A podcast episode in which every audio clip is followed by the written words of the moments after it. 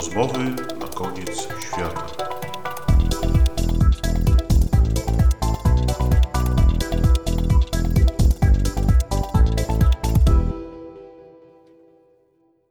Rozmowy na koniec świata. Piotr Kołodziejczyk, a moim dzisiejszym miłym gościem i rozmówcą jest dr Michał Jacek Baranowski z Instytutu Historii Uniwersytetu Warszawskiego. Cześć Jacku. Michale Cześć. Jacku w zasadzie. Cześć, cześć Piotrze. Spróbujemy dzisiaj porozmawiać na temat y, historii Imperium Romanum, ale w kontekście tego, co wydarzyło się na terenie tegoż imperium w III wieku naszej ery. Wtedy miały miejsce różne interesujące wydarzenia. Miała miejsce także jedna z epidemii, ale także inne interesujące wydarzenia, o które mam nadzieję zahaczymy. I spróbujemy troszeczkę przywrócić do naszej pamięci, do naszej wiedzy właściwie e, wydarzenia, które wtedy się rozgrywały na terenie Imperium Romanum. Jak byś, y, Michale, opisał em, czy opowiedział w skrócie o tym, co historycy do tej pory wiedzieli na temat III wieku w Imperium Romanum?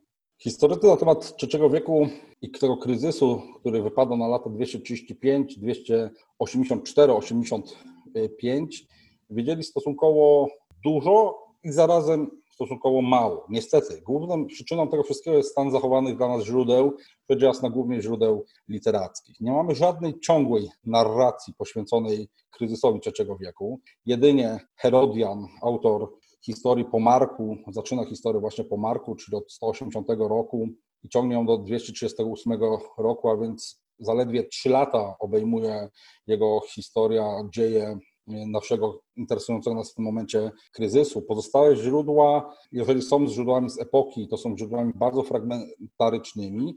Niedawno zresztą odkryto fragmenty prawdopodobnie ateńskiego kronikarza Dexiposa, dotyczące właśnie interesującego nas kryzysu a pozostałe źródła, które, na których głównie bazowały wszelkie próby rekonstrukcji historii, rzecz jasna politycznej oczywiście, czy może w mniejszym stopniu oczywiście społecznej, są to źródła już z wieku IV, z drugiej połowy nawet wieku IV, jak i źródła jeszcze późniejsze, czyli wiek V, a nawet wiek XII, bo bardzo ważny dla nas na przykład jest kronika Zonarasa, który jest bizantyjskim kronikarzem, który zachował w swoim dziele kilka informacji bazujących, z dużym prawdopodobieństwem bazujących na historykach, którzy w III wieku tworzyli. Może niekoniecznie bezpośrednio, ale na pewno pośrednio. Więc mimo tego, że tych źródeł formalnie jakby jest sporo, i tą listę autorów moglibyśmy tu wymieniać dobre z 10 minut, myślę, to jednak nie są to tak płynne, tak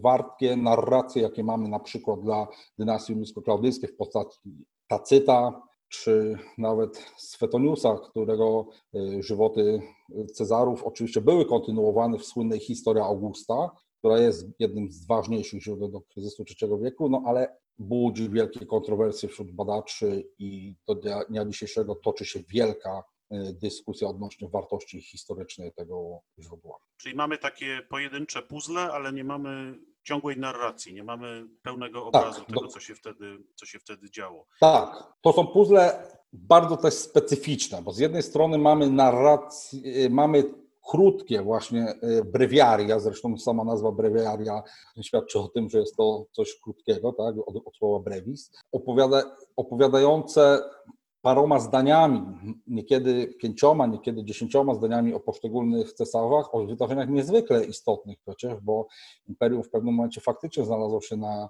granicy swojej egzystencji, a nie mamy narracji, które pozwoliłyby nam prześledzić to wszystko jakby od strony takiej spójnej historii. To są krótkie informacje zazwyczaj właśnie o cesarzach, jakieś delikatnie zarysowane sylwetki tychże imperatorów, podanej podstawowe faktografie.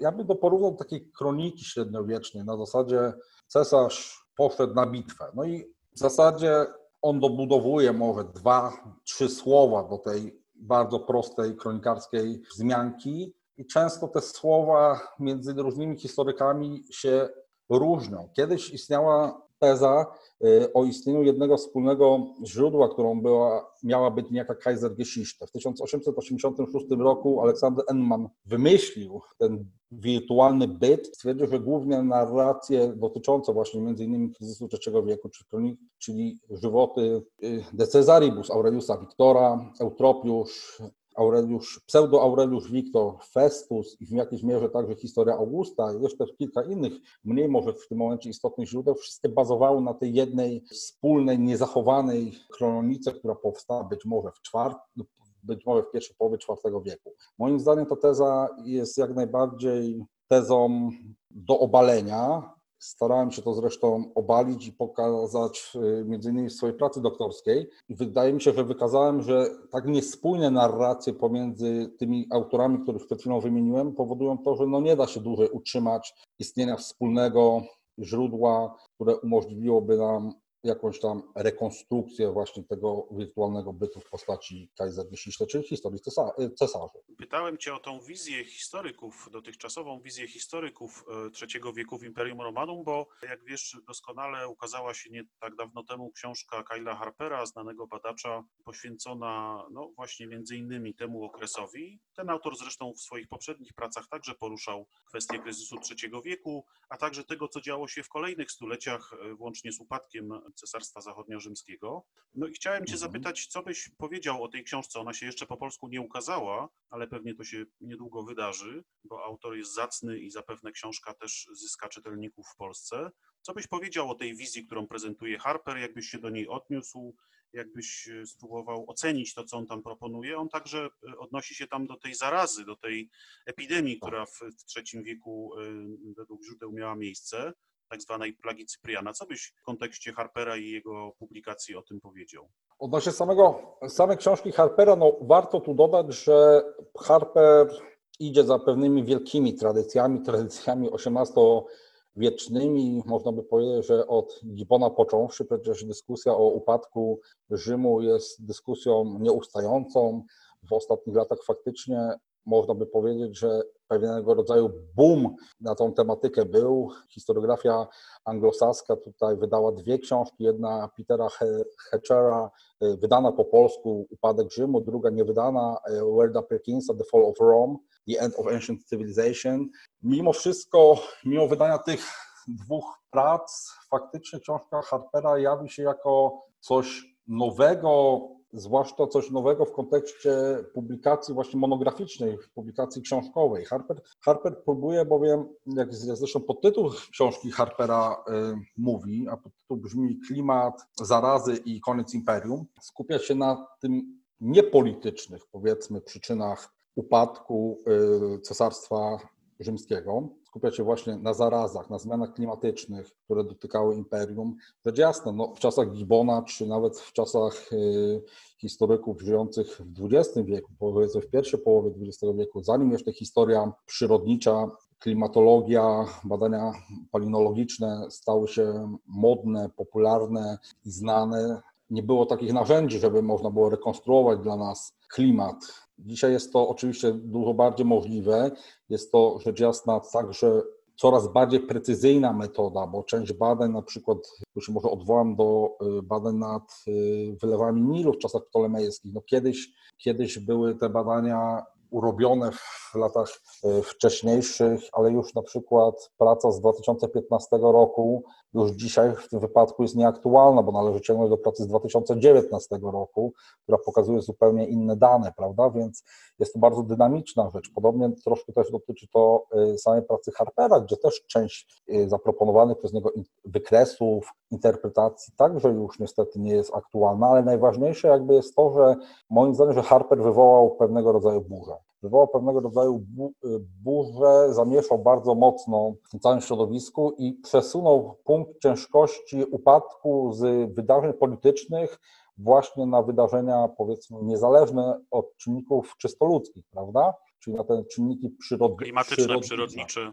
Tak. I to jest na pewno y, dużo, y, dużo wnosi do dyskusji. Mimo to, że na pewno Harper spotkał się z ogromną krytyką y, swojej, swojej książki. To szóstka badaczy z różnych, z różnych ośrodków naukowych. John Haldon, Hugh Elton, Sabin Ibner, Adam Izdebski, znany tutaj tobie z Uniwersytetu Jagiellońskiego, Lee Mordechai i Timothy Newfield. Wydali nawet taki trzyczęściowy mm, artykuł, w którym bardzo wyraźnie krytykują, krytykują tutaj Kyla Harpera.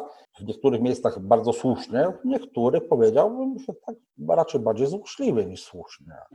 Może zazdroszczą mu pewnej, pewnego pomysłu, z którym Może- można dyskutować, ale jakiś, jakimś Oczywiście. pomysłem To- to, jest ta jego To wizja. znaczy na pewno ujęcie tego, tego wszystkiego w ramach jednej książki na pewno jest rzeczą innowacyjną i to na pewno Harpera zasługa jest ogromna i tego mu nikt nigdy rzecz jasna nie odbierze. A jaką, jakie miejsce w tej jego wizji odgrywa właśnie wspominana już y, plaga Cypriana, czyli ta zaraza, epidemia, która miała mieć miejsce w, y, właśnie w III wieku? Plaga Cypriana, jak, jak zresztą słusznie zauważył już twój poprzedni rozmówca y, Kamil Kopi, była jedną z trzech wielkich plag starożytnego Rzymu.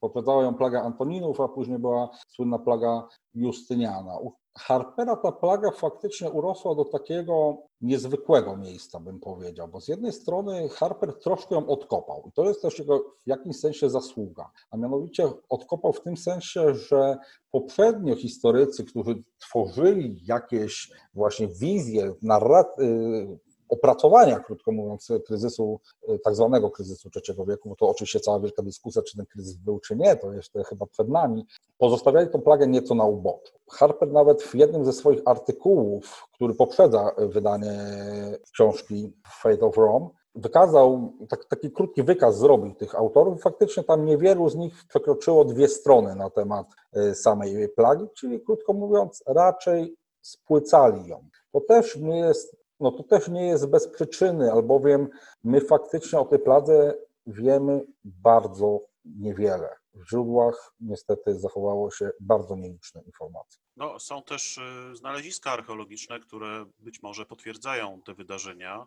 między innymi słynne odkrycie w Tebach. Jakoś byś się do niego ustosunkował? To jest odkrycie no, takich zbiorowych grobów i miejsc, w których, jak się przypuszcza, być może palono na masową skalę zwłoki, co potwierdzałoby informacje o takim bardzo dużym impakcie, że tak powiem, tej zarazy i bardzo dużej liczbie zmarłych. Problem y, badań y, w Tebach jest bardzo złożony, bo z jednej strony faktycznie ich odkrywca tych, tychże grobów, kiedy odkrył te groby, stwierdził jednoznacznie w jakimś tam w licznych wywiadach BBC między innymi, mam plagę Cypriana, mam plagę Cypriana, mam szkielety, mam dowody, mam masowe groby. Wszystko byłoby ładnie, pięknie, gdyby nie to, że on sam troszkę zweryfikował swoje poglądy kilka lat później i trudno jednoznacznie wskazać, że to są, po pierwsze, trudno wskazać, że to są groby masowe, bo tych znalezisk szkieletowych jest, no nie jest na tyle dużo, żeby stwierdzić, że mamy do czynienia z grobami masowymi. To pierwsza rzecz. Druga rzecz,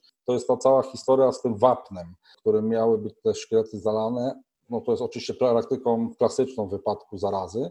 To też nie jest takie pewne, bo znaleziono tam piece, w których te wapno było produkowane. A trzecia rzecz to jest problem chronologii. My nie wiemy tak naprawdę, czy groby te należy datować na trzeci czy na czwarty wiek. Więc nie jest to, na pewno nie jest to, jest to w najlepszym wypadku poszlaka źródłowa. Wiem, że piszesz, y, czy jesteś na etapie publikacji artykułu dotyczącego między innymi tych wydarzeń. Jak byś się odniósł do pomysłów Harpera na chorobę, która miała spowodować tą plagę? Bo tutaj, no jak zresztą często w przypadku tych dawnych epidemii czy różnego rodzaju zdrowotno-medycznych wydarzeń, toczą się dyskusje na temat tego, jakie to były patogeny, bakterie, wirusy czy jeszcze inne świństwa. No i oczywiście trudno jest nam to określić z jakąś dozą pewności czy prawdopodobieństwa, ale Harper ma swoje pomysły na ten temat. Jak byś się do nich odniósł? To znaczy Harper ma dwa pomysły. Pierwszy to jest grypa, a drugi to jest gorączka krwotoczna, przy czym bardziej, przy czym bardziej skłania się sam y, do gorączki krwotocznej.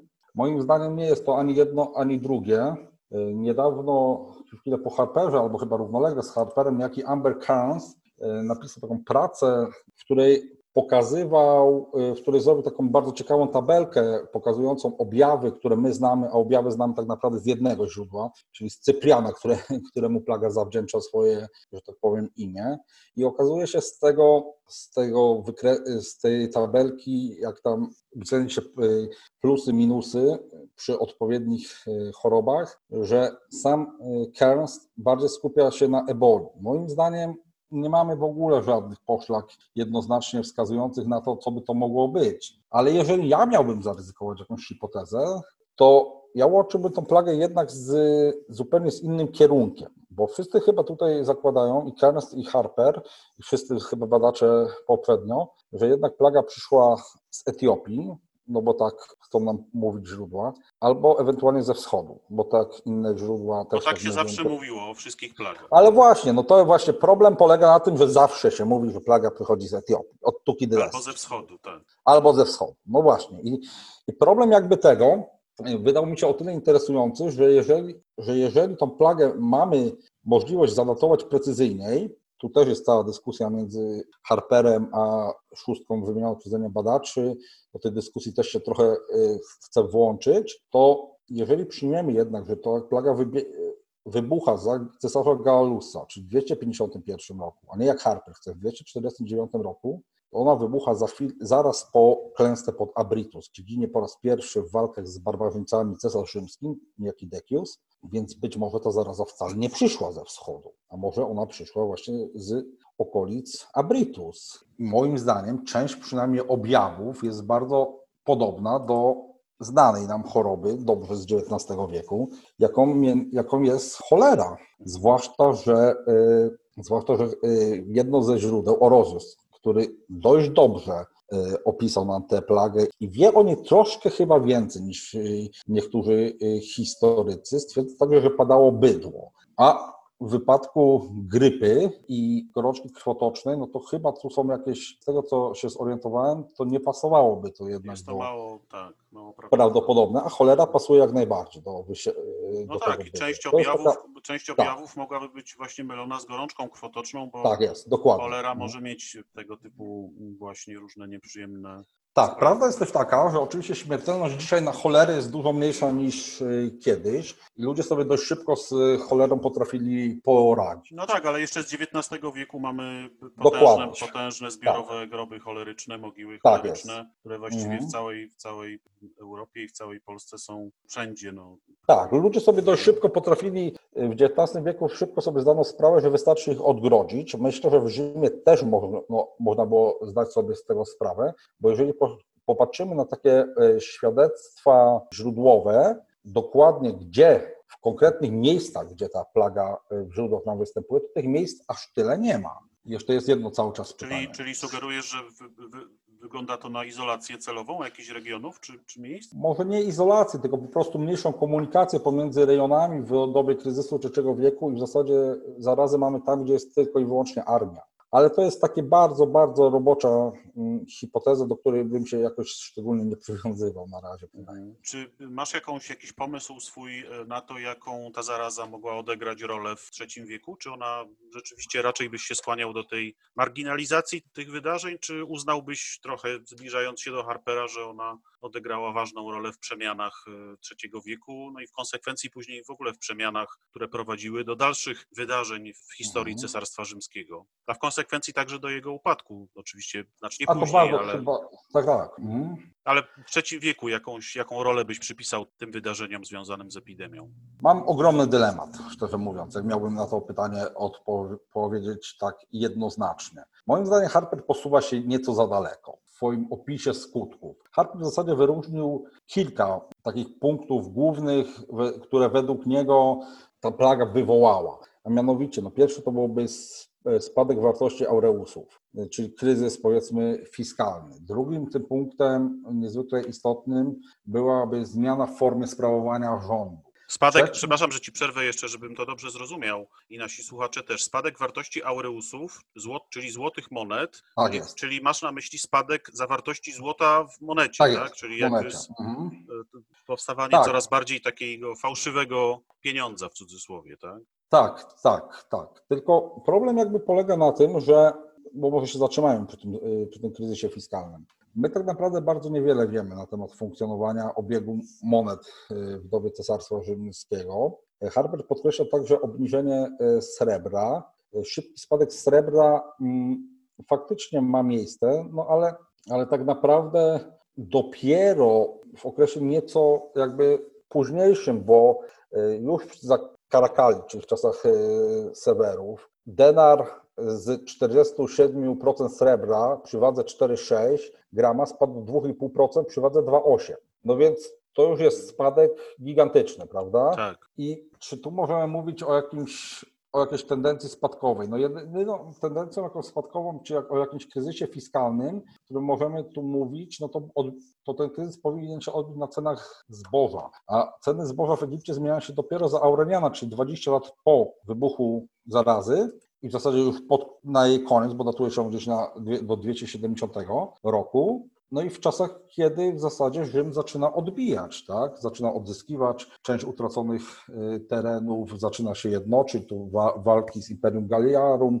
walki z Palmyrą, zakończone sukcesem, zjednoczenie ponowne y, Cesarstwa Rzymskiego, więc mm, moim zdaniem ten ekonomiczne przyczyny, które Harper chciałby tak bardzo mocno widzieć, no, no nie mają miejsca po prostu. Mhm. I to byłoby taki, no, moim zdaniem, dość taki mocny argument, że jeżeli cesarstwo jest w stanie odbić właśnie już za Aureliana, czyli 20, czyli zaraz po klęsce, no to znaczy, że ta klęska chyba aż taka duża nie była, przynajmniej nie w tej sferze powiedzmy ekonomicznej. Harper także zwraca uwagę właśnie na taką kwestię polityczną, mianowicie, że plaga miała jakby zmienić jego zdaniem formę sprawowania rządów cesarskich. No właśnie, co, co to znaczy? Badacz ten stwierdził, że jakby Cesarze przestali w pewnym momencie wywodzić się z kręgów senatorskich, a zaczęli rekrutować się z oficerów. No jest to absolutnie nieprawda, bo dwaj cesarze, y, którzy panują za, zaraz po wybuchu klęski w latach 253-268,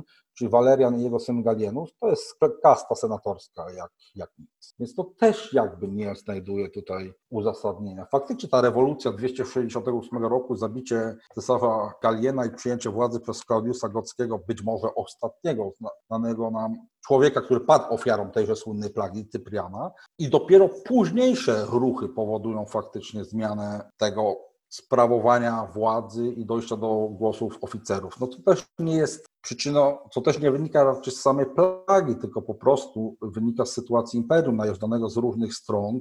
No właśnie, to, tak, z tej militaryzacji, tak, militaryzacji, militaryzacji życia i, i, i, zagrożeń, które się pojawiały z różnych stron. Krótko mówiąc, to był taki lokalny patriotyzm, jak to kiedyś ładnie Paul Venn napisał, że każdy po prostu wódz czuł się odpowiedzialny za całe imperium i dlatego przyjmował tą purpurę. No i jeżeli mu się w końcu udało, no to mu się udało i faktycznie takim wodzem, któremu się udało ostatecznie zakończyć ten kryzys, no był człowiek absolutnie genialny. Niestety też o nim źródłowo wiemy niewiele, bo cesarz Dioklecjan, tak, który mhm. jednoznacznie tak. E, kończy okres kryzysu i zaczyna coś, co Timothy Barnes nazwał New Empire. No tak, ślady aktywności Dioklecjana rzeczywiście e, na polu nie tylko architektonicznym, bo się pewnie wielu osobom kojarzy z różnego rodzaju budowlami, które powstały w różnych miejscach imperium, ale przede wszystkim na polu prawodawczym, właśnie reform różnego typu tutaj niewątpliwie są mhm. bardzo duże, co też jakoś właśnie chyba stałoby naprzeciw tym twierdzeniom Harpera o, o takim powolnym upadku od, te, od, od czasu tej zarazy. Zdecydowanie tak. Trzecim elementem, który Harper wymienia jest niezdolność Rzymu do bronienia granic i wyjątkowo trudna sytuacja w latach 50. i 60. Tu jakby pełna zgoda. Sytuacja faktycznie w latach 50., w latach 60. jest dramatyczna. Rzym jest najeżdżany na, wszystkich, na wszelkich możliwych granicach, ale pytanie dlaczego? Pytanie dlaczego? Y, no, wyjaśnienie wydaje się być dużo bardziej proste, a mianowicie mamy po prostu boom demograficzny w Barbarikum i pewne przemiany ustrojowe, które tam występują, prowadzą do powstania konfederacji różnych e, plemion, konfederacji zdolnych uderzyć na Rzym, uderzyć w dużo większe siły niż to robili do tej pory. A jeżeli dodamy do tego jeszcze agresywne imperium sasanickie, czy nowoperskie, no to mamy gotowy materiał na to, że Rzym faktycznie w końcu ma dwóch rywali poważnych na bardzo przecież szerokiej, rozciągniętej, na bardzo szerokiej granicy. Pamiętajmy, to jest imperium rozciągające się od Brytanii do, do Eufratu, prawda? Więc nic dziwnego, że e, w wypadku powstania dwóch mocnych rywali Rzym takie problemy ma, ale też nie należy zapominać, że efemeryczne byty na przykład, które powstają, a mianowicie e, właśnie e, państwo palmyryjskie z Septimiusem Odei Natusem, czy imperium galalijskie z Postumusem, pokazuje to, że nawet lokalni władcy są w stanie zabezpieczyć na tyle granicę, że ona jest stała. Odeinatus dotarł w głąb Imperium Sasanickiego, a to jest, a to jest postać, która no nie jest, to nie jest cesarz, tak? to jest lokalny możnowładca, który stał się postacią niezwykle wpływową i był w stanie przeciwstawić się samemu królowi królów, a z drugiej strony Postumus, no, który bez problemu tej granicy galijskiej jest w stanie w latach 60. do momentu, kiedy nie zostanie zamordowany, jest w stanie jej, jej bronić, a więc też nie widziałbym y, jednak aż tak negatywnych skutków. Oczywiście mamy rozprężenie wewnątrz cesarstwa, no bo te dwa byty powstają, nie, one są całkowicie niezależne od centrum władzy, czy od cesarza Galiena. Powstają różne inne uzurpacje. Wszystko jasne, wszystko, wszystko zgoda, ale niemniej jednak granice są mimo wszystko Rzymianie w stanie w miarę sprawnie bronić, jeżeli nie bezpośrednio swoim, nie, nie bezpośrednio ręk, y, rękoma samego cesarza, no to, no to lud, jednak jakby nie patrzeć, ludzi, którzy no, byli ludźmi Rzymu.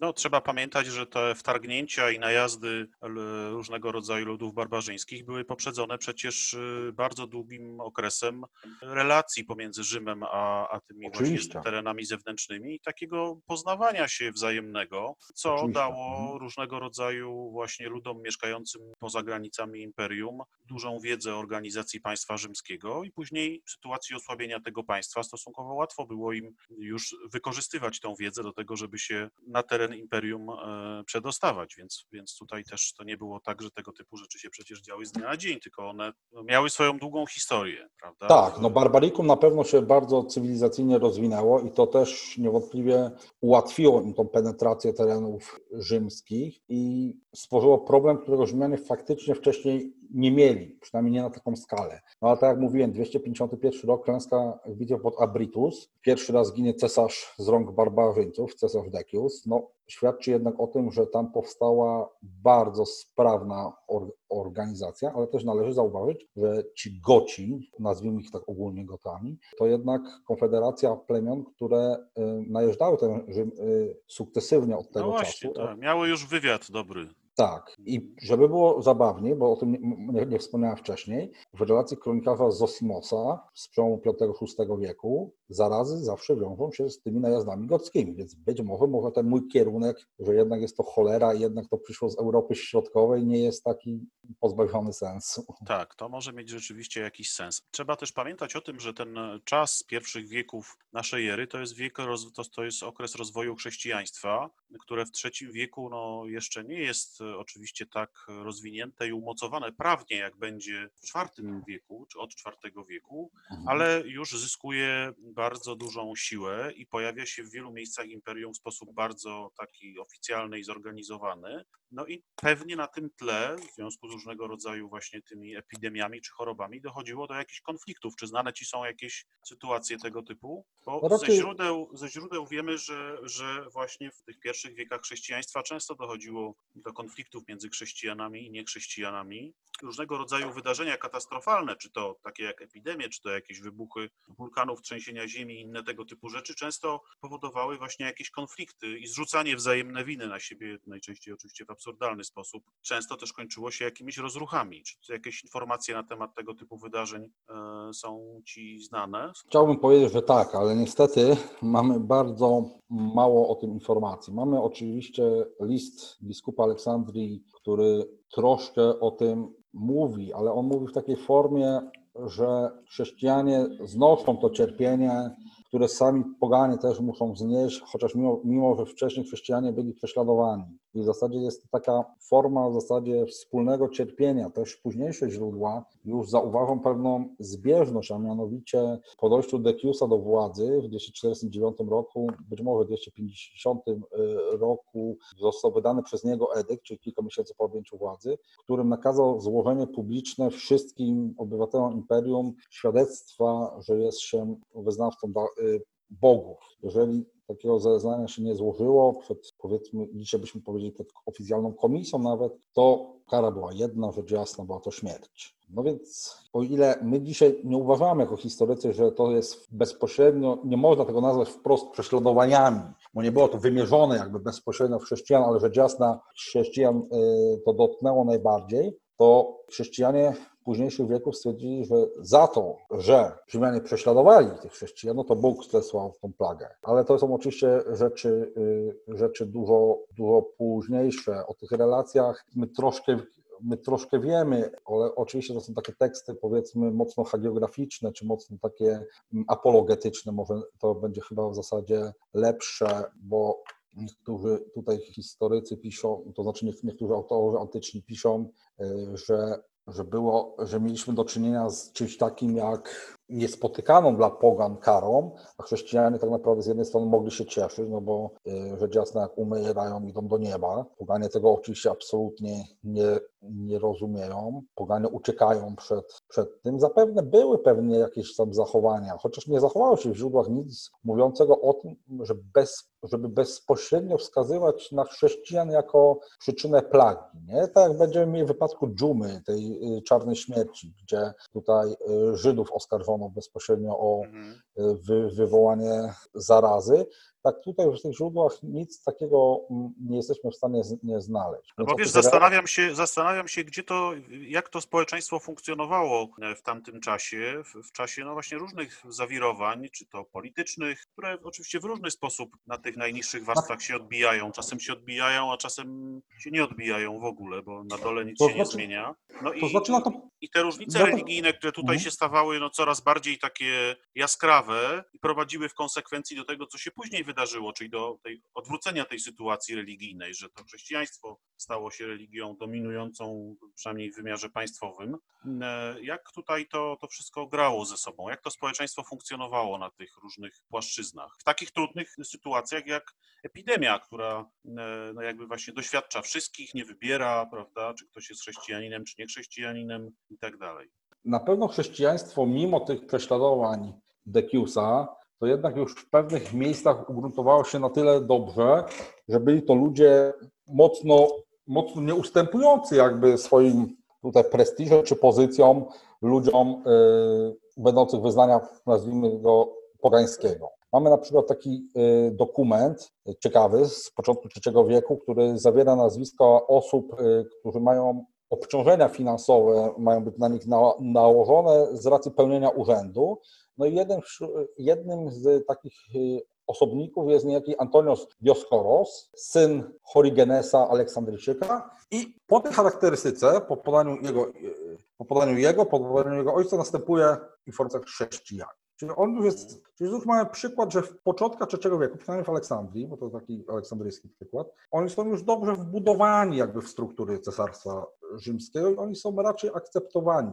Oczywiście, tak jak mówiłem, prześladowania, tak zwane prześladowania Deciusa są na pewno wielką traumą. Za chwilę 257 roku, 258 edykty wyda także cesarz Walerian przeciwko chrześcijanom, ale już Gal Galienus, który obejmuje władzę po swoim ojcu, odwołuje wszystko i mamy okres tak zwanego małego pokoju w kościele, czyli 50 lat spokoju aż do czasu wielkich prześladowań y, z początku IV wieku, czyli tych, tych największych, najbardziej chyba obok nerońskich prześladowań, tak, najbardziej, tak, najbardziej znanych i na, na pewno najbardziej krwawych zdecydowanie tutaj. Nie? Więc mimo wszystko nie widzę aż takiego związku, żeby móc jednoznacznie pokazać, że mamy tu jakiś, jakiś konflikt, bo też warto zauważyć, że e, chrześcijaństwo już powoli staje się religią ludzi także o takiej wysokiej kulturze intelektualnej. Ja sobie pozwolę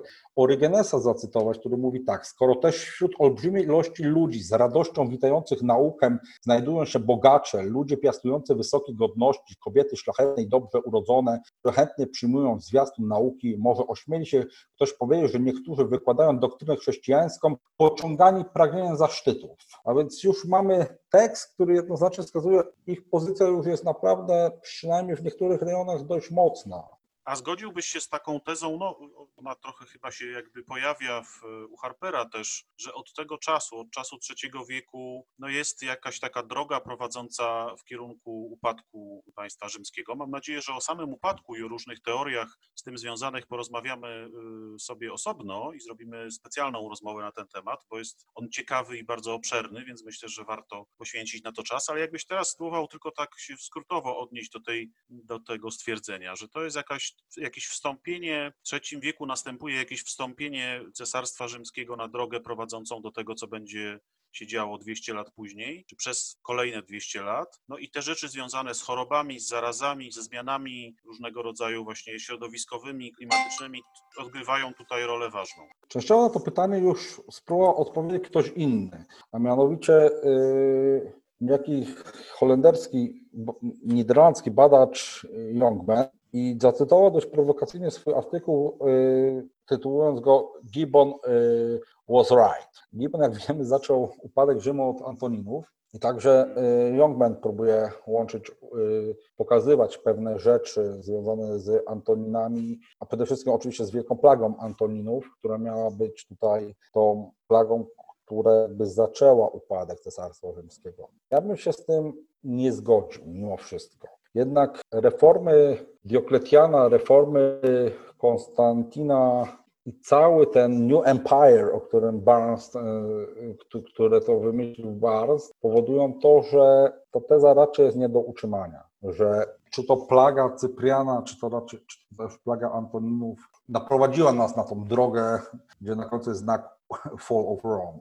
Myślę, że myślę, że nie można tak łatwo tego zrobić. Z drugiej strony pytanie o to, czy, czy i czemu upadło, to znaczy jak upadło i czemu upadło Imperium Romanum. W książce Demanda niemieckiego historyka Demand robi w pierwszym wydaniu 210 powodów upadku Rzymu, w drugim wydaniu to już ma 217. Teraz czekamy na trzecie wydanie, zobaczymy ile tych przyczyn upadku Rzymu jeszcze, Wy, jeszcze się doda. kolejnych zapewne do, do tej Tak, listy. tak, tak. No ale oczywiście jak wiemy, no mieliśmy bardzo absurdalne przyczyny upadku od jakichś tam ołowów zaczynając, tak, poprzez przypisywanie tego przyjęciu chrześcijaństwa, co w jakimś tam sensie Gibbon y, rozpoczął w ogóle oświecenie, y, poprzez no, bardziej sensowne, jak na przykład no, wielkie ekspansje jednak, czy, jed, czy też no, jakieś tam klęski gospodarczo-ekonomiczne. Pytanie o to jest na pewno pytanie na osobną rozmowę, ale moim zdaniem Cypriana, plagi Cypriana i kryzysu III wieku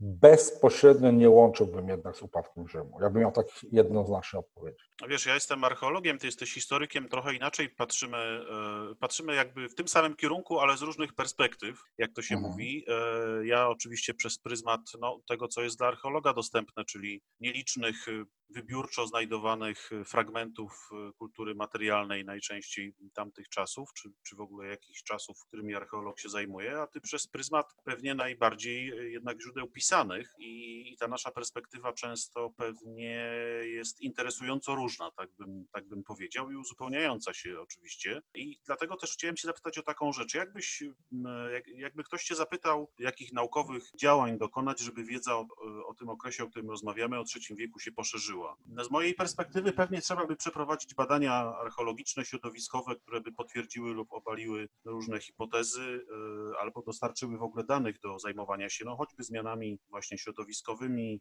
w tym kontekście różnymi sprawami. A z Twojej perspektywy jako historyka? Z mojej perspektywy muszę się z Tobą absolutnie zgodzić, że to jest jedna z tych bardziej powiedzmy pewnych dróg, dzięki której możemy się czegoś nowego dowiedzieć, czy pokazać nowe kierunki badań. Z drugiej jednak strony ja bym jednak ad fontes trochę się odwołał. Spojrzałbym jeszcze raz na źródła, które mamy. Chyba przypisałbym jednak większe znaczenie źródłom greckim niż tej tradycji y, brewiariów, czyli tej łacińskiej tradycji, która moim zdaniem bardzo mało wiedziała o cesarstwie w tym okresie. Przywróciłbym jednak godność tutaj historia Augusta, przynajmniej w trochę bardziej, w trochę większym stopniu niż do tej pory to historycy przyjmowali, bo część historyków uważała, że tam co prawda są jakieś informacje warte, wa wartościowe, ale no nieosiągalne dla nas, bo nie wiemy, co jest nieprawdą, więc też nie wiemy, co jest prawdą.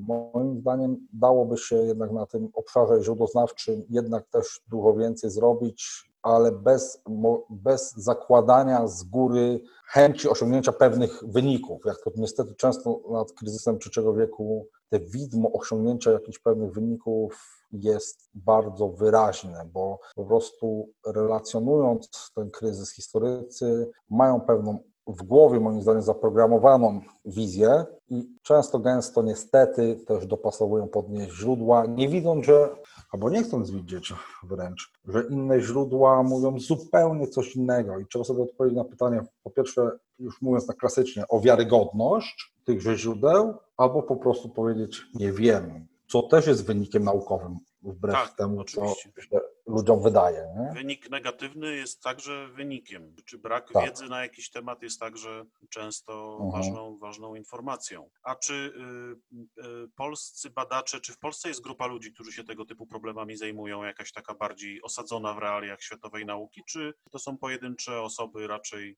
no, będące Znaczy- gdzieś na, na peryferiach tego typu badań? Pol Polsce kryzysem e, III wieku zajmował się Tadeusz Kotula, świętej pamięci. Później zajmowało się, zajmuje się tym także środowisko katowickie. To są głównie numizmatycy Wiesław Kaczanowicz, Agata Kluczek. Także e, również w Białymstoku jest Robert Suski, który zajmuje się kryzysem III wieku. A ja sam jestem częścią, że tak profesora Adama Ziółkowskiego, który no jest, dotyczy źródeł kryzysu wieku tego pierwszego etapu, czyli lat 235-251 i my jakby próbujemy na nowo na ten kryzys spojrzeć, na te źródła jeszcze raz spojrzeć. W najbliższym czasie będą jakieś z tego wyniki w postaci publikacji.